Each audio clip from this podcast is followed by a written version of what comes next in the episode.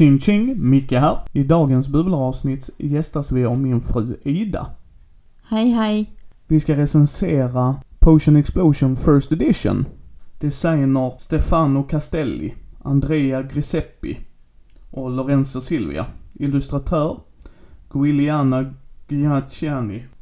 Ber om ursäkt om jag slaktar era namn. Uh, utgivare är Cool Mini. Speltid cirka 30 till 45 minuter står det på lådan och jag skulle säga att det är ungefär en rimlig tid. 2 till 4 spelare. Utgivet 2015. Cirka pris 500 kronor. Beroende på var man hittar det. Betyget på Boardgame Geek ligger just nu på 7,2. Temat på spelet är att du är en häxa eller trollkarl som har din sluttenta. Du ska lyckas återskapa dryckerna du har framför dig för att imponera på professorn och visa vem som är bäst i klassen.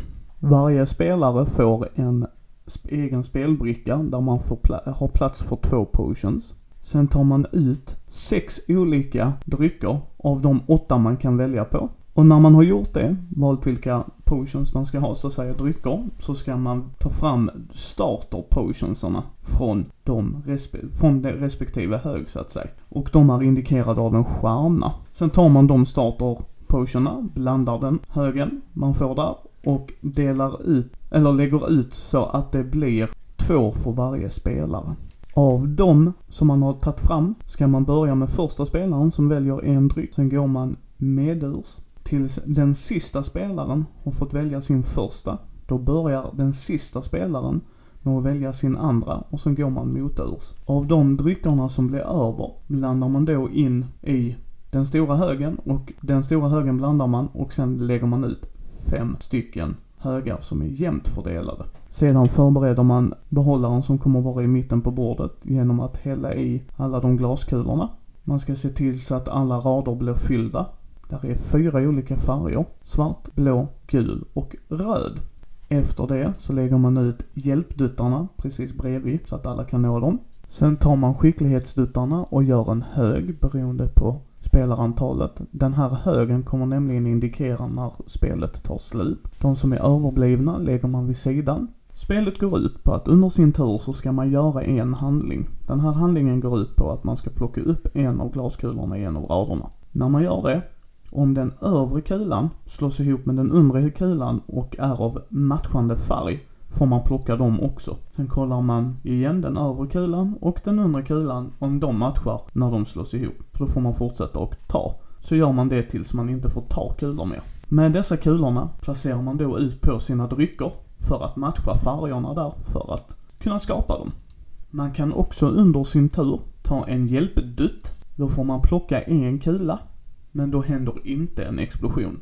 Även om den övre och undre kulan matchar och slås ihop. Det är två minuspoäng i slutet av spelet. Man kan också dricka en av sina drycker. De gör lite olika grejer. När man har löst in en av sina potions så lägger man den till sidan så får man vinstpoäng i slutet av spelet. Om man får ihop tre potions av samma slag får man en skicklighetsdutt. Om man får ihop fem olika typer av drycker så får man också en skicklighetsdutt. Kulor man inte kunde lägga ut kan man spara upp till tre på sin spelarbräda som man kan använda till nästa runda. Spelet tar slut när man tar den sista ur den högen med skicklighetsduttar. Då kör man klart varvet man är på. De här dryckerna gör olika grejer, så som till exempel att ta en kula utan att göra en explosion, sno motståndarens kulor som han har sparat, återanvända en av de dryckerna du redan har använt, med mera. Sedan i slutet så räknar man ihop alla vinstpoäng man har fått ifrån skicklighetsduttar, dryckerna och sen tar man då bort för varje hjälpdutt två minuspoäng. Nu tänkte vi lämna vår åsikt om det här spelet som ni har fått en liten överblick på. Vad tycker du om komponenterna älskling?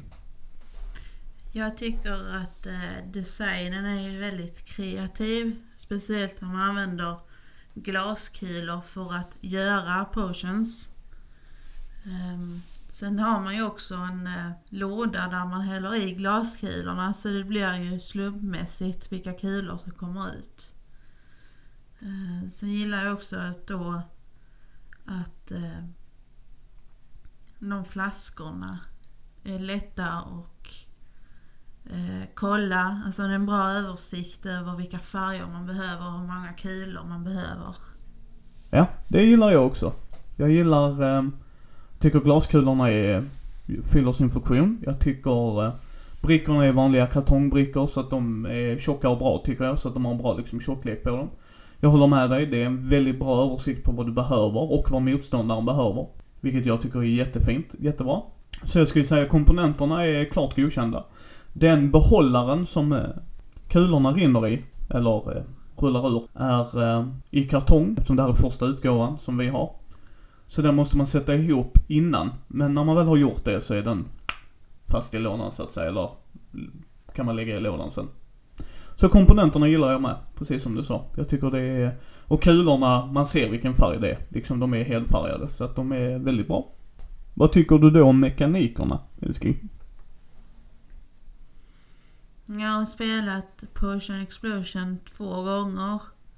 Första gången tyckte jag att jag hade lite svårt att hänga med i mekaniken. Eh, hur man skulle göra och sånt. Eh, men vi spelade igår och jag tyckte det gick bättre. Ja, det är lite rörigt i början där med dryckerna. Men när man väl kommer in i det och spelar ett par gånger så håller jag med dig om. Så tycker jag liksom att man kommer in i det och där är lite olika strategier och, och det gillar jag. Alltså där, där är inte samma parti varje gång som måste gå samma. Utan det är lite hur kulorna landar och vilka drycker som kommer upp. Eh, tycker du det är värt 500 kronor? Allting är relativt. Så är det ju, absolut. Eh, Men jag tycker komponenterna håller för priset. Där är spela, omspelarvärde.